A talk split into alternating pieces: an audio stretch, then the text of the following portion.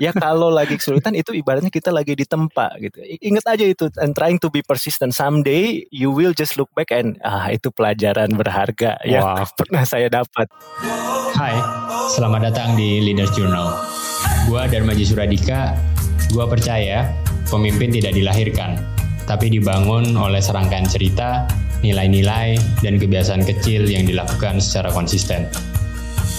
Di podcast ini, gue akan ngobrol bareng para pemimpin dan belajar dari cerita di balik kepemimpinan mereka.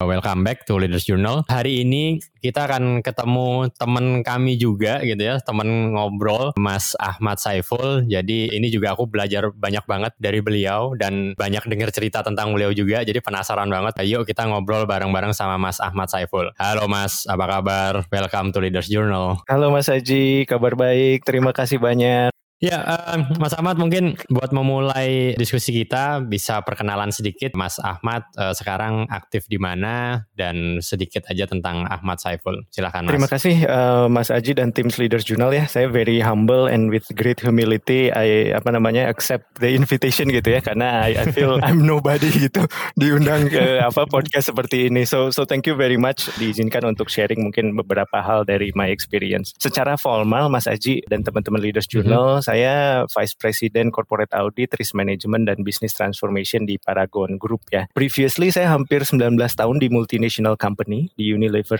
termasuk posting di global role sekitar lima hmm. tahun ya di London dan Singapura. Other than formal role, saya ada aktif di beberapa education UMKM sih. Jadi hmm. saya board of hmm. curriculum juga di startup uh, edukasi UMKM namanya Foodies saya board of hmm. advisor juga di organisasi kemahasiswaan ya, ISEC Unpad, di mana saya alumni juga gitu. Dan saya visiting hmm. lecturer juga sekarang di Unpad di manajemen inovasi dan kualitas gitu. Jadi ada beberapa aktivitas di luar formal lah, singkatnya begitu Mas Haji. Wis, mantap.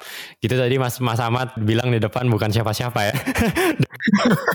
ya, nggak itu ini aja mengisi mengisi aktivitas lah ya belajar continuously learning lah prinsipnya Mas Haji. Oke oke oke oke Mas um, berarti makin penasaran nih gitu ya tadi dengan dengan segala pencapaiannya Mas Ahmad gitu ya di umur yang masih muda juga gitu ya udah punya banyak pencapaian. Mungkin bisa diceritain sedikit nggak Mas yuk kita mulai dari keluarganya Mas Ahmad deh gitu ya. Mas Ahmad tuh anak keberapa dari berapa bersaudara dan kira-kira keluarganya Mas Ahmad itu dulu seperti apa sih? Iya, yeah, so very important questions ya kadang-kadang background itu kan menjadi story konteks juga gitu ya. Sebelum cerita yang yang lain-lain dari se kayak iceberg gitu ya. Nah, saya itu anak ketujuh dari tujuh bersaudara, Mas Haji gitu ya. anak ketujuh dari tujuh bersaudara, tapi unfortunately dua kakak saya itu meninggal waktu kecil. Saya tidak pernah ketemu karena meninggalnya waktu kecil, satu karena hmm. campak kalau nggak salah, satu karena demam berdarah. Jadi sekarang okay. masih ada lima bersaudara lah yang alhamdulillah hmm, masih hmm, sehat-sehat hmm. sampai sekarang gitu. Jadi saya anak bungsu, jaraknya jauh-jauh dengan kakak yang paling dekat aja bedanya 8 tahun. Wow. Huge span of age lah.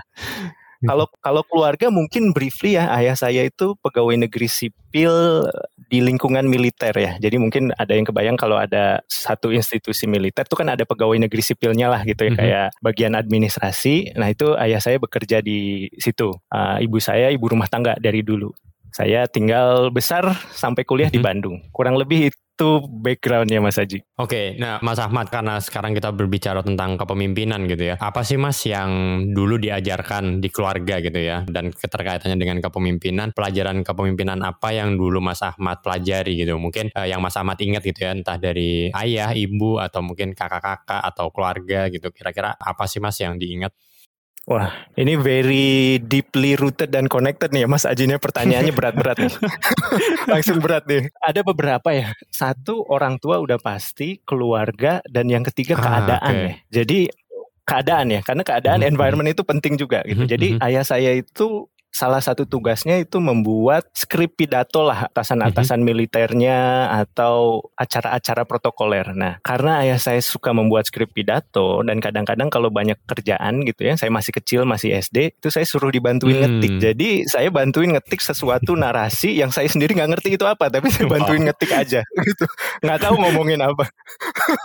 saya ngetik aja disuruh ay ayah saya tulis tangan gitu ya. Ibu di rumah hmm. disiplin, one of the most disciplined person I've ever encounter mm -hmm. in my life gitu ya. Jadi saya kalau pulang sekolah Kerjaan pertama itu belum ngapa-ngapain, belum ganti baju, tas saya dibuka, diambil bukunya, ada Mhm. PR nggak? Kerjain dulu. Itu saya nggak ngapa-ngapain sampai Ah. PR-nya selesai.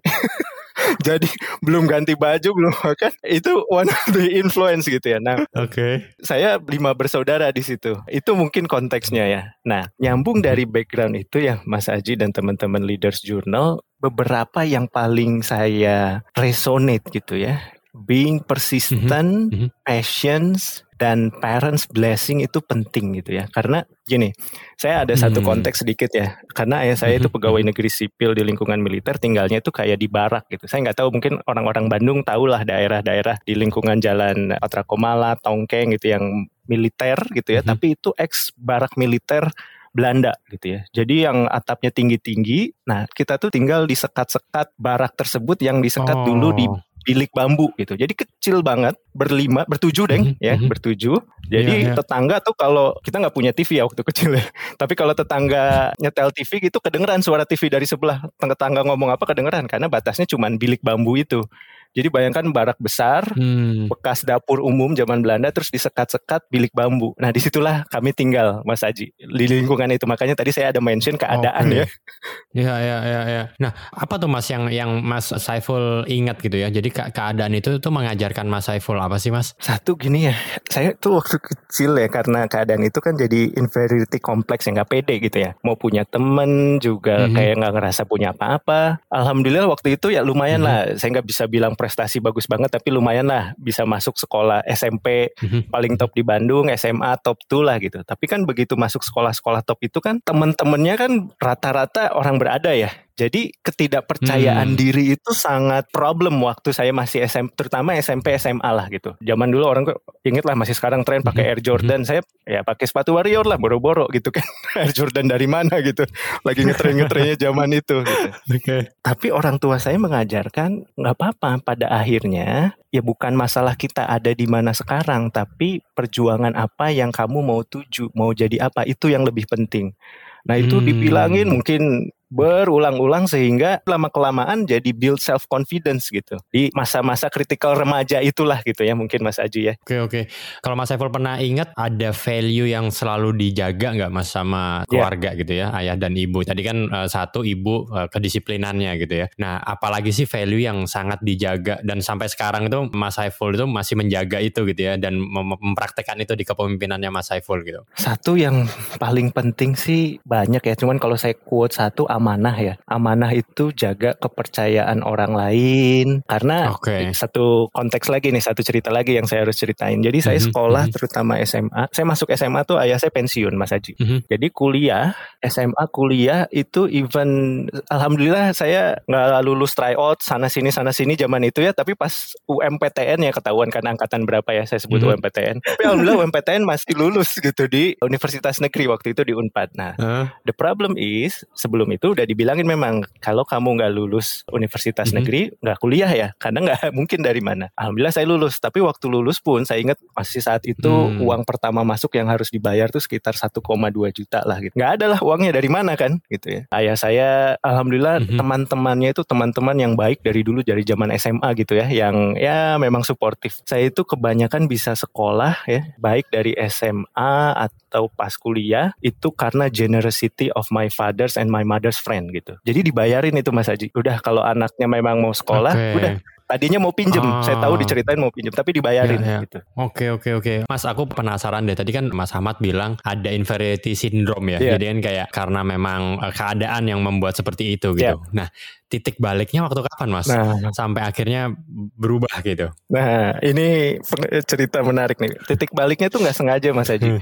Jadi kalau mahasiswa Oke. baru itu kan banyak ditawarkan masuk organisasi lah gitu ya, buka booth-booth gitu. Hmm, hmm. Wah ada nih satu organisasi nih waktu itu. Wah keren nih namanya kayaknya internasional internasional gitu, ISEC gitu. Saya pikir Mhm. kursus bahasa Inggris gitu terus terang pada saat itu kan. Ah udahlah join aja. Saya, saya pengen. Ternyata dia adalah organisasi internasional anak muda yang komit untuk youth development. Saya join aja, awalnya ikut-ikutan, teman Hmm. ngajakin. Nah, turning pointnya adalah ketika interaksi sama teman-teman, terus saya awalnya tuh dijorokin gitu di di eh Hmm. dijorokin ya apa ya, didorong-dorong sama teman. Ini ada ketua panitia deh, kamu aja. Hmm. Oh kan ya biasalah gitu ya. Awalnya ketua panitia tuh Mas Haji, Mhm. organizing committee presiden dari National Conference lah. Itu tahun kedua saya. Dari situ alhamdulillah nggak rugi ya. Acara pada saat itu bukan untung, yang penting nggak rugi.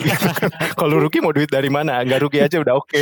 Terus next year-nya setelah itu ada opportunity tuh jadi presiden dari local committee Isaac Unpad pada saat itu. Mhm. Nah, awalnya juga sama. Ayo dong, saya tuh dibilangin sama teman saya, kamu itu punya gift gitu ya. Kamu itu punya natural eh, apa namanya natural gift. Sayang, kita dukung lah gitu. Nah, itu saya jadi apa ya? Tergetar gitu. Oh ya, ya mungkin lah udah saya ambil take that role. Hmm. Akhirnya terpilih. Nah, turning point itu waktu di saya jadi presiden Isaac Unpad gitu ya. Oke. Leading, kuliah, kuliah selesai sih alhamdulillah on time lah ya. Hmm, Tapi hmm. semester pendek semua. Saya nggak pernah libur Mas Haji. Wah. Karena setiap break semester bukan naik bukan ngambil ke atas loh yang ngulang. Karena saya suka pergi-pergi conference ke sana kemari. Trade off kan gitu ya. Eh, Nah, another turning point sebenarnya yang salah satu besar kan tadinya nyoba gitu ya jadi presiden Isaac Unpad gitu ya. mhm. Ada suatu saat satu conference, itu conference-nya di New Zealand, di Auckland. Banyak delegates-delegates, apa namanya, tim member yang kebetulan mampu daftar kan, ikut kan ya. Nah, saya sebagai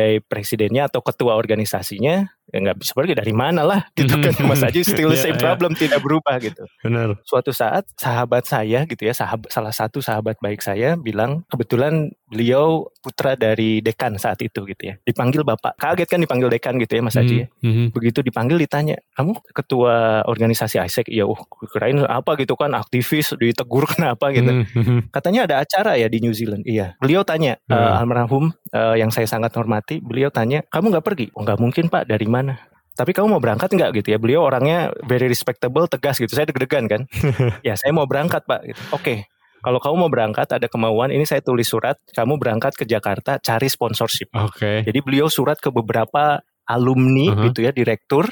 Saya harus ke Jakarta gitu ya, untuk cari Mhm, sendiri mhm. gitu. Tapi akhirnya saya tahu di belakang layar bahwa beliau ya memang sudah ngebrief, cuman mendorong saya untuk usaha gitu, cari ditemuilah direk beberapa waktu itu direktur Mhm, direktur utama. Saya pulang dapat uangnya sekian ribu dolar cukup untuk tiket, saya kembalikan Pak, ini saya sudah dapat uangnya, ini saya berikan ke Bapak. Ini kan ada beberapa delegasi yang mau berangkat, ini saya kembalikan ke Bapak dulu. Terus beliau bilang, enggak, itu buat kamu semua, kamu Wow. berangkat. Oke. Kamu punya paspor enggak? Enggak Pak, ini, bikin paspornya. Nah, singkat cerita ya, itu benar-benar turning point di saya. Satu, saya berterima kasih kepada almarhum dan sahabat saya juga yang masih sah- bersahabat baik sampai detik ini gitu ya. Mhm. Tapi itu turning point yang membuat inferiority tadi menjadi confidence. Bahwa kalau kita Ah. sungguh-sungguh Ya, ya, ya, ya. mau melakukan sesuatu itu jalan dari arah yang tidak disangka-sangka itu akan datang gitu. Itu benar-benar moment of truth sih Mas Haji. Jadi kalau tanya Oke. turning pointnya itu turning point yang I will never forget Mas Haji gitu ya. Oke oke oke. Eh, Mas, aku jadi penasaran deh. Ini di luar Mas Saiful mau cerita atau enggak? Tapi Ya. apa sih yang membuat orang-orang kalau menurut Mas Saiful ya, apa yang membuat orang-orang di sekitarnya Mas Saiful itu mau ngebantuin gitu, Mas? Kalau Mas Saiful ngelihat gitu ya, ada ada sifat apa sih Mas yang membuat Mas Saiful tuh jadi orang-orang itu kayak mau bantu gitu? Uh, uh, difficult questions ya. Saya harus uh, introspeksi. Tapi mungkin kalau disebut headline-nya saya genuine dan mauan gitu kalau sama temen. Sini yuk, ayo. Apa yang saya bisa bantu gitu. I don't have any ya kalau zaman itu ya mau traktir nggak mungkin lah. Saya salah satu lagi the same Mhm. sahabat saya itu itu adalah orang yang gini ya waktu kuliah itu saya dalam tanda petik uang bekal itu sepuluh ribu sehari angkot aja udah waktu itu udah dua ribuan kali dua empat ribu ya Hmm. sisa enam ribu buat makan Hmm. kuliah sampai sore nggak habis nggak akan cukup gitu ya Iya, iya. nah kalau kuliah sampai sore kalau ada acara sahabat terbaik saya inilah yang selalu dan beberapa sahabat saya yang lain ayo makan dia udah tahu kan saya nggak punya uang ya udah kita traktir deh no problem gitu tapi the generosity of my friends Mhm. dan juga dalam konteks dalam mungkin bergaul itu saya genuine gitu saya nggak apa yang bisa dibantu I don't have any other things Oke. but I have willingness Iya, iya, ayo iya. saya bisa ngapain what is my role? Nah mungkin mungkin itu ya kalau mm-hmm. pertanyaan sulit karena kan jawabnya dari sisi saya. Bener, ya. bener, bener. I don't know what others think. bener bener bener. Ya berarti berarti uh, mungkin ya karena tadi apa genuinnya dan juga tadi Mas Saiful sempat bilang di depan uh, diajarkan buat persisten ya Mas ya. Dan keadaan juga memaksa buat persisten gitu ya. Jadi mungkin karena kepersistenannya dan kejenuinnya kejenuinannya itu akhirnya sebenarnya aku nggak mau bilang orang membantu ya tapi mungkin alam membuka jalan gitu ya mas ya mungkin begitu ya dan keadaan itu menjadi penting uh -huh. ibaratnya begini if you are in a situation where you are rock bottom gitu ya you don't have mm -hmm. any other way to go mau ke mana pilihannya udah tinggal memanjat ke atas kan? hmm, kan mau bener, mau nyungsep ke mana menarik. lagi gitu kan ibaratnya ya ya ya benar benar benar benar benar jadi sebenarnya kadang-kadang keterbatasan itu sebenarnya pembuka jalan sih Mas Aji. Karena kita nggak punya pilihan. Hmm. Unfortunately, mm -hmm. terlalu banyak pilihan. Kalau kita tidak bisa mengelolanya dengan baik, jadinya tidak menghasilkan apa-apa. Tergantung kitanya sih sebenarnya pada akhirnya. At the end. Oke okay, oke. Okay.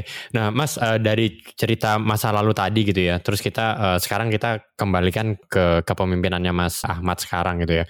Nah, bagaimana Mas Saiful itu menceritakan proses penemuan makna kepemimpinan itu Mas gitu. Jadi kan dari yang dulu keadaan seperti itu, lalu Mas Ahmad bouncing back gitu ya, dan akhirnya lebih berani, lebih pede gitu kan. Nah, kira-kira kalau Mas Ahmad ceritain tentang makna kepemimpinan itu apa mas? Oh nah ini another deep questions ini mas Haji pertanyaannya selalu dalam nih jawabannya nggak bisa langsung dari semua experience itu ya uh-huh. mungkin yang saya sempat ceritain beberapa itu kan intinya crucible moments ya jadi momen yang challenge yourself dan setiap orang punya story gitu nah another mhm. stepnya uh-huh. dalam proses pencarian makna itu kebetulan waktu saya kerja di MNC gitu ya di Lever ada satu workshop uh-huh. namanya Purpose Finder Workshop nah di, di workshop itu diajarin menarik gitu ya workshopnya iya. Purpose yeah. Finder Workshop oh Purpose Finder gawat tuh sehari ya eh lebih lebih dari sehari ya.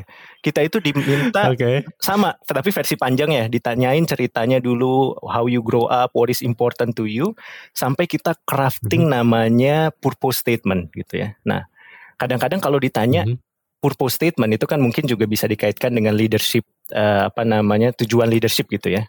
Nah, mm -hmm. with that all story dan penulisan pemikiran, saya menulis purpose statement saya. Ya purpose statement saya mm-hmm. yang menjadi pengingat sampai sekarang adalah saya bilang my purpose adalah to transform adversity into opportunity and limitation into inspiration. Nah, wow, wow. Datangnya dari mana gitu? Nah, kalau uh-huh. teman-teman leaders journal Mas Mas Aji dengar cerita saya tadi, itu datangnya uh-huh. dari semua cerita itu yang tadi gitu ya. Jadi kalau kita cari makna, oh kita pengen bermanfaat, pengen beribadah, hidup itu udah pasti gitu. Ya. Tapi Find -hmm. something specific. Nah, the way I found that purpose statement karena semua cerita itu saya gali sehingga apa sih saya pernah dalam posisi itu dan I need to transform adversity situasi yang sulit menjadi mm -hmm. opportunity kesempatan dan keterbatasan mm -hmm. ya limitation into inspiration gitu. Okay. Itu yang nah fungsinya apa? Kalau saya lagi turun, lagi down gitu, saya itu kayak mm-hmm. put mirror on myself, diingetin dengan purpose statement. Katanya mau transform adversity into opportunity. Masa gini aja. Jadi kayak ng- saya ngomong sendiri gitu, kayak malu sendiri jadinya. That's, jadi itu fungsinya sebenarnya Mas Aji. Not, not finding a fancy word, keren, big word, nggak, bukan itu. That's not the essence. Gitu. Wow, itu bisa itu, itu, itu yang bisa ngedrive si apa seorang Ahmad Saiful ini gitu ya Mas ya. Jadi ketika down gitu ya, remember that your purpose statement gitu ya. iya, jadi wah malu sendiri kan kita yang nentuin ya kan kita bukan dibilangin kan gitu ya. Oke oke. Okay, okay. Nah tadi kan uh, Mas Ahmad udah udah Moroles udah tahu purpose-nya gitu kan. Nah sekarang kalau kita ke kepemimpinannya gitu ya. Jadi pemimpin itu kan sebenarnya nggak enak ya mas. Udah kalau ada apa-apa kita kena duluan gitu kan. Pressernya juga tinggi gitu kan. Pasti nggak ada enaknya. Lebih lebih enak jadi follower gitu kan. Tinggal tinggal ngikut gitu. Nah aman aman ya. Uh, aman hidupnya gitu kan. Nah menurut Mas Ahmad tadi masih relate juga nih dari yang masa lalunya Mas Ahmad. Terus tadi purpose statement gitu ya. Lalu ngapain gitu mas? Susah-susah harus jadi pemimpin gitu. Kenapa sih menurut Mas Ahmad harus jadi pemimpin gitu? Gini, basically setiap orang itu adalah pemimpinnya. At least mastering yourself gitu kan ya. Nah, Hmm. some people take a bit more step atau courage untuk ngambil langkah lebih jauh gitu ya. Saya teringat, saya nggak tahu siapa yang bilangin ini, Hmm. tapi saya teringat ini kata-kata ini dia bilang the difference between ordinary and extraordinary it's that little extra. Jadi maksudnya ya, Wow. ya ordinary sama extraordinary itu bedanya cuma extra. Artinya ya, we need to do extra. Nah, kenapa dalam certain situation we need to take more responsibility? Sebenarnya big pointnya adalah bukan tentang being fancy, being punya authority ya, tapi Mhm. saya balik ke poin yang saya bilang di awal amanah. Kita itu udah diberikan amanah kemampuan. Singkatnya begini ya Mas Aji ya. Mhm. Kita udah punya experience. Mungkin dalam kapasitas saya cukup beruntung pernah expose ke luar negeri, tinggal dua negeri lima tahun, expose to global environment. Dengan pengalaman itu, kalau saya pulang and I don't spread that knowledge and take more Hmm. roles, itu kayaknya menyia-nyiakan amanah atau kesempatan yang sudah diberikan. Hmm. Nah itu yang menjadi gimana sih you have experience, a bit of experience dan sedikit ya karena banyak orang lagi yang lebih banyak punya pengalaman tapi jangan sia-siakan itu. Hmm. I think that's the main driver ya. Jangan sia-siakan amanah, ilmu, experience yang sudah diberikan. Drivernya lebih ke situ sih Mas Aji kalau dari saya. Hmm, Jadi to pay forwardnya ya Mas Ahmad ya. Jadi ketika kita sudah diberikan sesuatu ya amanahnya ya kita menyampaikannya lagi gitu ya Mas Ahmad ya. Exactly. Oke oke. exactly. Mas kalau ngelihat selama ini Mas Ahmad berjalan gitu ya. Tadi kan selain dari keadaan gitu. Mas Ahmad tuh belajar kepemimpinan dari siapa lagi sih Mas? Dan belajarnya itu belajar apa gitu? Hmm, kalau belajar kepemimpinan yang kebanyakan tadi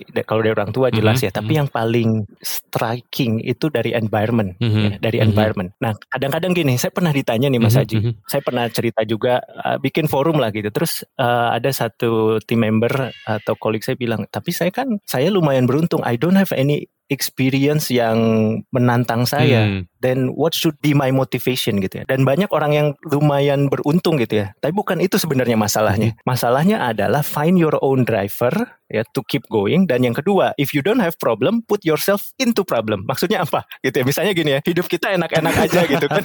Kalau nggak punya masalah cari masalah gitu ya. Dari masalah. benar benar. Contoh benar, nih ya. Saya pulang gitu ya. Ini ini saya cerita aja nih pulang kerja aman kan? uh, 8 to 8 lah whatever. Terus saya cari gara-gara sendiri. Masuklah ke komunitas UMKM, ngajar, masuk ke visiting lecturer, dosen luar biasa, masuk ke board of advisor. Jadi itu saya cari gara-gara sendiri. Waktu saya yang mungkin weekdays udah padat, saya masukin lagi yang dengan yang lain. Nah, Hmm, hmm. sebenarnya prinsipalnya adalah bukan tentang pengen eksis atau gimana enggak, tapi put yourself in a situation where you can stretch yourself. Karena kalau enggak akan jadi gitu-gitu aja. Nah, itu yang saya takuti gitu. Saya menjadi gitu-gitu Gitu-gitu aja, dan aja, tidak ya. berkembang. Ya ya ya ya. Nah, itu poinnya. Jadi if you don't have situation, put yourself into problem lah. Basically ya, cari gara-gara. Berarti ini ini kalau ada para pendengar yang ngelihat begitu bangun tidur, wah kok hidup saya kayaknya aman-aman aja. ya. Nah, cari masalah ya Mas. Cari masalah, cari tantangan. Kalau enggak, bukan apa-apa ya. Jadi gitu-gitu aja, nggak akan berkembang gitu. Karena dari situasi itulah learningnya. Kalau nggak pernah menghadapi problem, challenges, ya dari mana lagi sumber learning yang paling berharga ya Mhm. Mas Aji ya dan teman-teman Leaders Journal. bener bener bener bener. Oke oke, Mas Ahmad, ini juga em, salah satu bagian dari seorang pemimpin nih yang pernah aku tanyain gitu ya para pemimpin-pemimpin itu pasti pernah mengalami kegagalan gitu. Nah, coba dong Mas Ahmad ceritain sedikit kegagalan terbesarnya Mas Ahmad gitu ya dan yang sangat diingat gitu dan sampai sekarang menurut Mas Ahmad wah kalau nggak ada kegagalan ini nih nggak jadi Ahmad Saiful yang sekarang nih gitu. Hmm, aduh, it was back in 2015 ya. Saya di-assign ke London pada saat itu. Jadi role-nya waktu Mhm. itu uh, Finance Director Global Performance Management. Jadi itu di headquarter di London office gitu ya, Mas Aji ya. Oke. Sebelum assignment itu gitu ya. Jadi interviewnya beberapa kali gagal-gagal akhirnya dapat role itulah singkatnya gitu ya. Nah, tapi ada sedikit trigger biar ada konteksnya. Jadi the night before saya masih ingat flight Mhm. saya itu seharusnya 22 Agustus 2015 ya. Tapi tanggal 21 malamnya dan nggak ada angin, nggak ada hujan, nggak ada sakit, ibu saya meninggal. Right, the night before harusnya flight Ah. saya ke London untuk merantau tiga tahun pada saat itu. Wah itu itu jadi saya mundurin. Akhirnya saya pergilah ke London seminggu kemudian, gitu ya minimal bisa tujuh hari lah di Indonesia. Nah waktu di sana udah Mhm. sih role-nya susah gitu kan ya,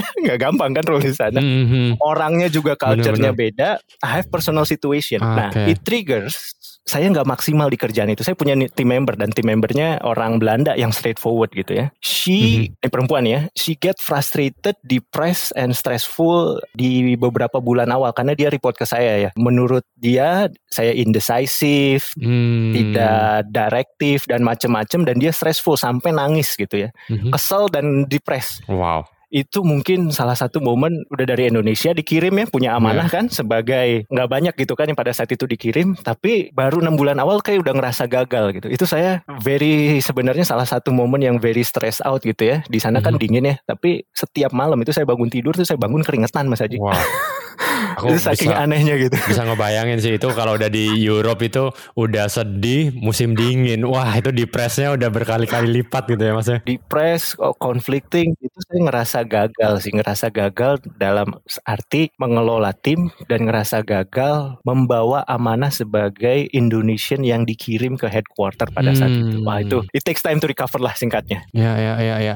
And how can you bounce back mas? Jadi bagaimana waktu di rock itu kan another uh, rock bottom sih. Gimana tuh caranya bisa mantul lagi, Mas? Uh, beberapa akhirnya itu mungkin recover setelah 6-9 bulan ya saya ada opportunity to write kalau di roll roll itu kan tugasnya banyak hmm. bikin paper ya one pager buat apa namanya eksekutif gitu nah di beberapa interaksi saya I get compliment gitu ya I get compliment with my background dari Indonesia hmm. saya udah hmm. mulai picking up the form with my different approach but deliver I regain my confidence gitu ya sampai akhirnya pada akhir tahun kedua hmm. pada saat itu saya pikir bakal pulang kan saya ditawarin lagi another global role hmm. travel traveling across the world tapi posisinya di Singapura. Ah, Oke. Okay. Nah itu saya tanya dengan ayah saya, what should I take? Karena saya sampai sekarang pun ngambil keputusan saya masih tanya ayah saya, mm-hmm. meskipun beliau tidak mengerti ya. Wow luar biasa. saya nggak pernah nggak nanya gitu Mas Haji. Iya iya iya. Beliau yeah. bilang kalau opportunity-nya bagus lebih dekat pulang ambil aja, and it turns mm-hmm. the right decision. Saya ke Singapura, mm-hmm. which is itu another boost of my confidence ya. I get another global role, mm-hmm. travel across the world. Jadi selama tiga tahun itu satu setengah tahun tahun tuh saya di hotel dan di jalan dan traveling into many countries, different countries karena role-nya itu global audit director waktu itu ya Mas Aji. Mm-hmm, mm-hmm. Itu turning point ya. I get interacted with senior people, uh, CEO, executive committee of countries as an Indonesian. Mm. Di situ saya regain my confidence sih. Oh, to be honest okay, Mas Aji. Oke okay, oke okay. Ini menarik nih karena biasanya gitu ya ketika kita dalam rock bottom condition gitu ya itu kayaknya jalanan itu gelap gitu kan, nggak ada ujungnya gitu. Nah padahal kan kita sebagai seorang pemimpin itu harus tetap bisa perform ya gitu. Dan di situlah sebenarnya kepemimpinan tersulit tuh gitu, yaitu memimpin diri sendiri gitu ya mas ya. Yeah. Jadi membuat kita keep awake gitu ya. Walaupun kita mungkin pagi tuh kayaknya males banget bangun gitu ya. Kalau kita lagi dalam kondisi yang sangat kritikal gitu kan. Tapi kan kita harus bangun, kita harus tetap memimpin gitu kan. Nah menurut Mas Ahmad nih kuncinya kepemimpinan terutama buat memimpin diri sendiri ya. Terutama di saat-saat kondisi yang sangat kritikal tuh uh, apa Mas Ahmad? Saya mungkin jawab satu personal mastery sih ya Mas Aji ya. Know yourself. Okay. Know what you're heading for gitu ya and stay true to -hmm. yourself. Mm -hmm. Nah, tapi another self reflection ya mungkin ini bukan tips mm -hmm. ya. Mm -hmm. Kalau dihadapi situasi yang challenging ya dengan situasi and my personal experience, mm -hmm. saya selalu mereflect balik the most difficult situation or the biggest loss that I have experienced. Contohnya gini, okay. sampai sekarang saya tidak pernah bisa tergantikan rasa kehilangan dan luka waktu ibu almarhum ibu saya meninggal gitu kan ya. Mm -hmm. Kalau saya menghadapi situasi sulit, the first I remember adalah kejadian itu. Okay. Maknanya apa? Situasi yang kita hadapi itu rasanya jadi ringan karena dibandingkan dengan sesuatu yang uncomparable gitu. Jadi yeah, yeah. saya kalau ada situasi di kerja konflik stres, saya selalu mikir situasi itu, what can be worse than this? Hmm. Tiba-tiba situasi itu bukan masalahnya jadi hilang, masalahnya sih masih ada ya tetap ya harus di solve gitu. Tapi minimal terasa ringan dan ada semangat. If you have experienced the worst, ah. the worst gitu ya, you can do any other thing gitu. Jadi ya dari experience itu saya selalu ingat the biggest loss in my life mm -hmm. gitu ya. Mm -hmm. Dan itu jadikan motivasi. Tiba-tiba yang lain itu menjadi ringan, tidak hilang gitu ya poinnya. Itu sih Mas Aji yeah, mungkin. Yeah, jadi uh, remember the worst gitu ya Mas ya. Biasanya dengan aku sepakat banget sih. Jadi itu juga yang kalau aku pun sama juga gitu ketika ketika menghadapi itu selalu mikir wah dulu aja pernah ngelewatin ini bisa gitu ya. Berarti sekarang pun kita pasti bisa ngelewatinnya gitu ya. Yeah, exactly Mas Aji. Oke okay, oke. Okay. Mungkin terkait cerita ini deh, mungkin kesimpulan dari yang menghadapi krisis ini gitu. Kalau Mas Ahmad bisa ceritain apa sih keterkaitannya antara krisis gitu ya dengan kepemimpinan gitu. Apakah krisis itu diperlukan seorang pemimpin gitu ya? Nggak ada pemimpin yang lahir tanpa krisis ataukah sebenarnya ya itu normal aja? Menurut Mas Ahmad apa sih hubungannya krisis dan kepemimpinan gitu? Wah, ini kalau hubungannya sangat erat. Mungkin saya jawab dengan saya lupa baca di mana terus terang atau siapa yang menyampaikan mm-hmm. bilang begini, laut yang tenang tidak akan menghasilkan pelaut yang ulung ya calm seas never made a skilled sailor. Hmm. Itu saya ingat, eh bener juga ya. Hmm. Kalau hmm. mau jadi pelaut ulung, ya cari laut yang nggak tenang gitu ya put yourself into problem tadi ya yeah. itu yang kedua gitu nah selanjutnya saya masih ingat masih berkaitan dengan laut sih dibilang juga ini bagus dan saya ingat juga perahu itu tidak tenggelam karena air di sekelilingnya tapi perahu itu tenggelam mm-hmm. karena air yang masuk ke dalamnya mm. jadi bukan airnya bukan tantangannya tapi ketika kita membiarkan problems mhm. memasuki mm-hmm. diri kita jadi kalau balik ke pertanyaan Mas Haji wow. kaitan antara krisis dan kepemimpinan mm-hmm situasi yang sulit, krisis, difficult situation, konflik, stres, loss, whatever itu hmm. yang membentuk karakter gitu ya. Oke, ya ya ya ya ya. Gak bisa dipisahkan gitu, gak bisa dipisahin. Benar benar benar benar. Berarti justru itu dibutuhkan gitu ya untuk nge-shaping tadi apa membentuk si pemimpin tadi gitu ya Mas ya. Betul. Betul. Ya, ya, ya, ya, ya, ya. Oke, berarti buat mungkin para pendengar uh, Leader Journal ini kan followersnya pemimpin tadi rata-rata umurnya masih 20-an gitu kan, Mas. Jadi kalau misalnya ada masalah gitu ya, udah biar apa nggak usah panik gitu ya, Mas ya. Karena ini adalah berarti kita sedang dibentuk menjadi pemimpin gitu ya, Mas ya. Saya waktu itu nonton Nat Geo ya. Uh, saya bukan ahli geologi tapi dibilang proses pembentukan diamond gitu ya, itu kan ditempa bertahun-tahun melalui hmm. berbagai macam sehingga dia bisa menjadi diamond. Ya anggap aja meskipun it's easier said than dandan ya, dendan ya, Mas Aji dan teman-teman ya. ya kalau lagi kesulitan itu ibaratnya kita lagi ditempa gitu. Ingat aja itu and trying to be persistent. Someday you will just look back and ah itu pelajaran berharga yang wow. pernah saya dapat. Bener bener bener bener. Jadi kalau kita menghadapi itu ya udahlah kita berarti sedang di fase penempaan gitu ya. Betul. Mas Ahmad ya. Betul. Oke, okay, Mas Ahmad tadi udah kita cerita masa lalunya Mas Ahmad ya. Hmm. Sekarang kita kembali ke masa kini nih gitu. Uh, Mas Ahmad kalau Mas Ahmad itu melihat melihat sehari-harinya Mas Ahmad gitu ya. Bisa diceritain nggak sih Mas kebiasaan apa yang Mas Ahmad lakukan gitu ya? Dan menurut Mas Ahmad karena Mas Ahmad punya kebiasaan ini membuat Mas Ahmad bisa menjadi pemimpin gitu. Hmm yeah, it's still a long way dan it's always continuous journey ya Mas Adi ya uh, hmm, in principle hmm, ya. Hmm. Tapi mungkin dua atau tiga kebiasaan pertama adalah mencari role model gitu ya. Contoh ah, gitu ya. Okay. Saya ketemu seseorang baik teman atau atasan atau kolik ya. Hmm, hmm, hmm. Dia bisa mengartikulasikan sesuatu dengan baik gitu ya. I make him or her as my role model dalam aspek itu. Hmm, hmm. Dan kadang-kadang role model itu bukan tentang orang yang sudah berprofil atau apa pun kredibilitasnya. Saya banyak interaksi dengan UMKM hmm. ya. Umur umur 20 cabangnya udah banyak mereka berjuang dari nggak punya apa-apa dari punya utang ratusan juta sehingga punya karyawan ratusan orang mm -hmm. saya jadi India mentor dalam arti okay. sumber inspirasi gitu ya jadi kebiasaan pertama adalah cari role model okay nobody's perfect, udah pasti gitu ya. Normal model dari sehari-hari ataupun dari sisi religius gitu ya, spiritualisme mm -hmm. itu mhm. harus. Tapi cari deh setiap orang itu punya sesuatu yang baik, cari role model. Mm -hmm. Yang kedua, cari referensi. Salah satu hobi saya itu kalau ada artikel dapat dari apa pun mah macam-macam lah gitu, artikel pendek itu saya kumpulin mm. selama the last 20 years mm -hmm. gitu mhm. ya saya punya foldernya still well arranged sampai oh. sekarang. Jadi kalau sekarang dibutuhkan ada materi tentang ini tentang itu whatever, I have the story insya Allah gitu ya with my own story. Tapi I can connect with the intellectual side. Gitu. Uh, Jadi kalau mau cari ngomongin uh, apa, uh, ayo. Misalnya tentang execution, ngomongin tentang leadership character, ngomongin tentang emotional intelligence, ngomongin tentang mm -hmm, innovation. Mm -hmm I can within split second saya ambil bisa ambil referensinya I can share it to you. Mm -hmm. Nah, tapi poinnya bukan sekedar ngumpulin ya. Itu menjadi sumber inspirasi, dibaca terus di internalize. Okay. What does it mean for me? Mungkin itu dua kebiasaan sih. Kebiasaan ketiga ya yang saya udah bilang tadi Mas Aji, saya hmm. I always put myself in into problem gitu ya. Lagi waktu luang ngajar, lagi waktu luang belajar lagi kuliah. And, and by the way, I'm taking my postgraduate sekarang udah nggak muda tapi I decided to wow. to use my Saturday ya, untuk belajar lagi gitu cari masalah lagi kan. Gila, kalau Mas Mas Ahmadnya masih berarti kita apalagi teman-teman yang masih umur 20-an ya kalau misalnya goler-goler aja tidur-tiduran aja malu ya Mas ya. Inilah pengen pengen doing something gitu. Again sama kan I put myself untuk problem kan. Udah Sabtu enak-enak minggu udah dipakai lagi buat belajar gitu kan.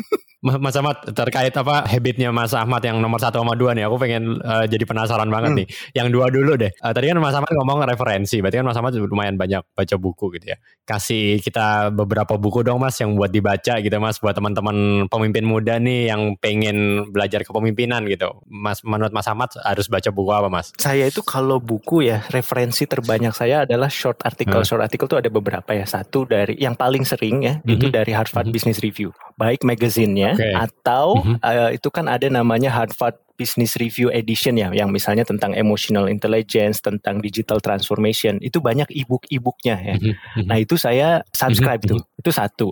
Kedua, ini another tips nih. Saya nggak akan nyebut mereknya ya. Kadang-kadang kan waktu terbatas ya. Mhm. Kadang-kadang waktu terbatas. Nah mhm. itu ada service-service semacam, eh jadi nyebut merek enggak lah. Service-service book summary, service-service book summary. Oh iya. Yang bisa diambil dulu. Mhm, begitu kontennya bagus. Kadang-kadang kan kita sayang ya beli buku nggak tahu kontennya bagus atau enggak ya. Tapi itu diambil gitu. Jadi kalau referensi spesifik buku ya satu sebenarnya yang I recently tell dan saya dapat bukunya dari Bang Salman terus terang.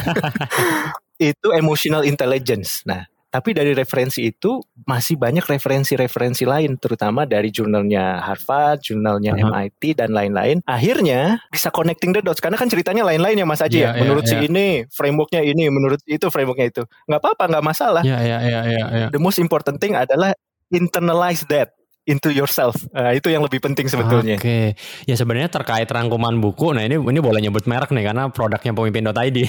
Jadi kita itu dua tahun lalu kita itu uh, menerjemahkan rangkuman buku mas. Jadi ada seribu lebih gitu. Jadi seribu lebih rangkuman buku kita terjemahin ke dalam bahasa Indonesia kita jadiin PPT gitu ya. Terus kita kumpulin di website kita namanya wikilit.id jadi kalau teman-teman mau baca juga bisa di wikilit.id itu gratis gitu. Jadi bener-bener kayak ya tadi apa yeah. belajar. Jadi kadang-kadang kalau aku ada waktu misalnya berapa menit juga aku sering ngebuka rangkuman itu gitu ya baca uh, dalam mungkin 15 menit aku udah bisa baca 2-3 buku gitu ya.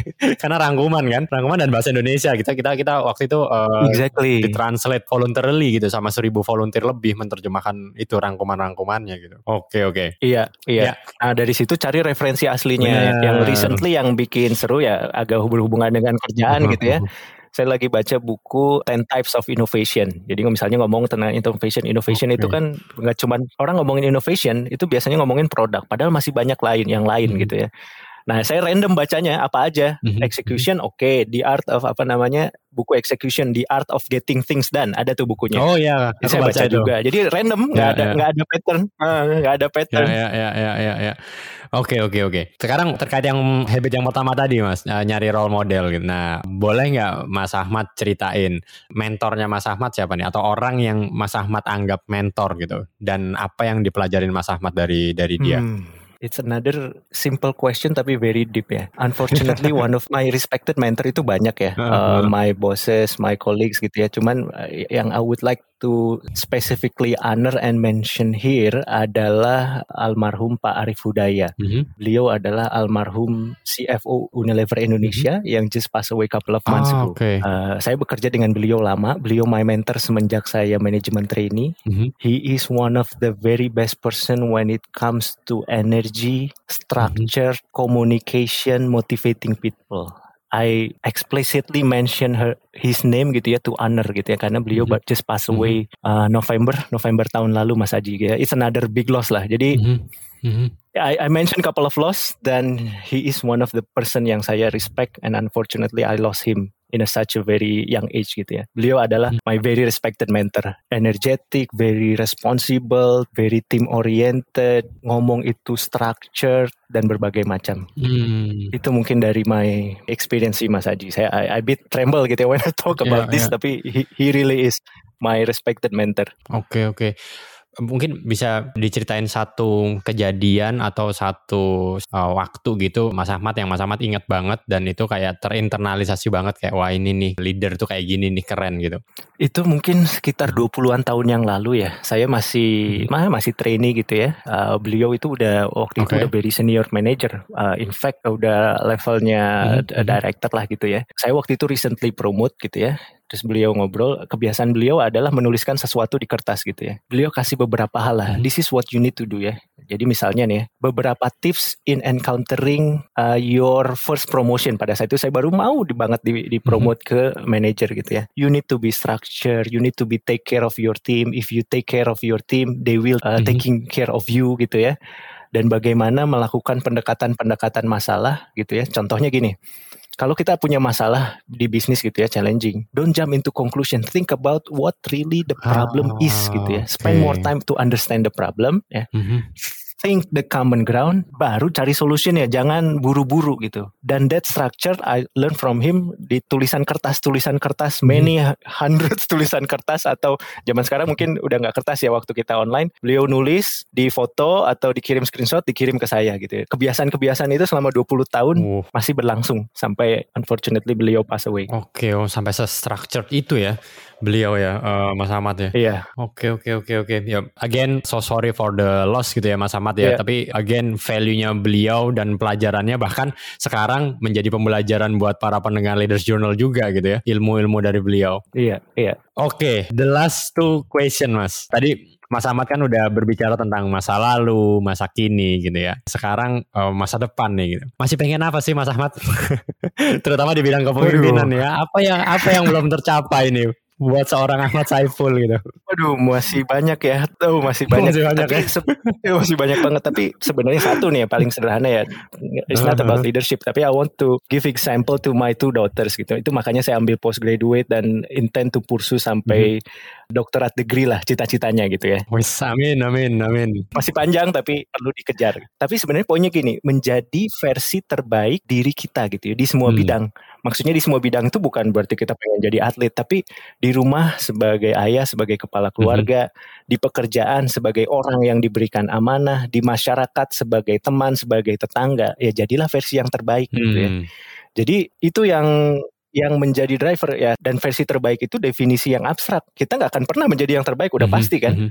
tapi the notion bahwa kita pursuing becoming the best version of ourselves itu yang menjadi harapan gitu ya. Nah, hmm. mungkin ini satu filosofi yang penting juga. Saya pernah baca dan jadi saya ingat banget gitu ya. Jadi kalau harapan di jangka panjang ya, kesuksesan dalam kepemimpinan atau sesuatu itu kan bukan tentang berapa tinggi posisinya, berapa keren title-nya gitu ya Mas hmm. Haji ya, hmm. berapa besar kekuasaannya atau berapa banyak apa ya namanya wealth yang dikumpulkan gitu ya. Pada akhirnya leadership kesuksesan itu adalah tentang berapa banyak orang yang bisa kita bantu dan kita oh. bantu itu bukan hanya material yeah. ya, bisa ilmu, bisa influence mm-hmm. ya. Mm-hmm. Yang kedua, berapa banyak orang yang bisa berkembang dan yang paling penting minimal tergerak hatinya oleh apa yang kita perbuat. Bisa mm-hmm. jadi kita nggak ngapa-ngapain loh, tapi karena kita melakukan sesuatu dan even kita nggak cerita dan orang ini melihat, dia jadi balik lagi ke my personal purpose tadi ya, hmm. transforming limitation into inspiration. Minimal jadi inspirasi gitu. Eh, hmm. ayo dong saya juga bisa gitu. Jadi ya dalam konteks berlomba-lomba tapi dalam kebaikan. Nah, itu jangka panjangnya. Jadi I don't have any concrete gitu ya, hmm. tapi in a very simple word ya menjadi versi terbaik diri kita sendiri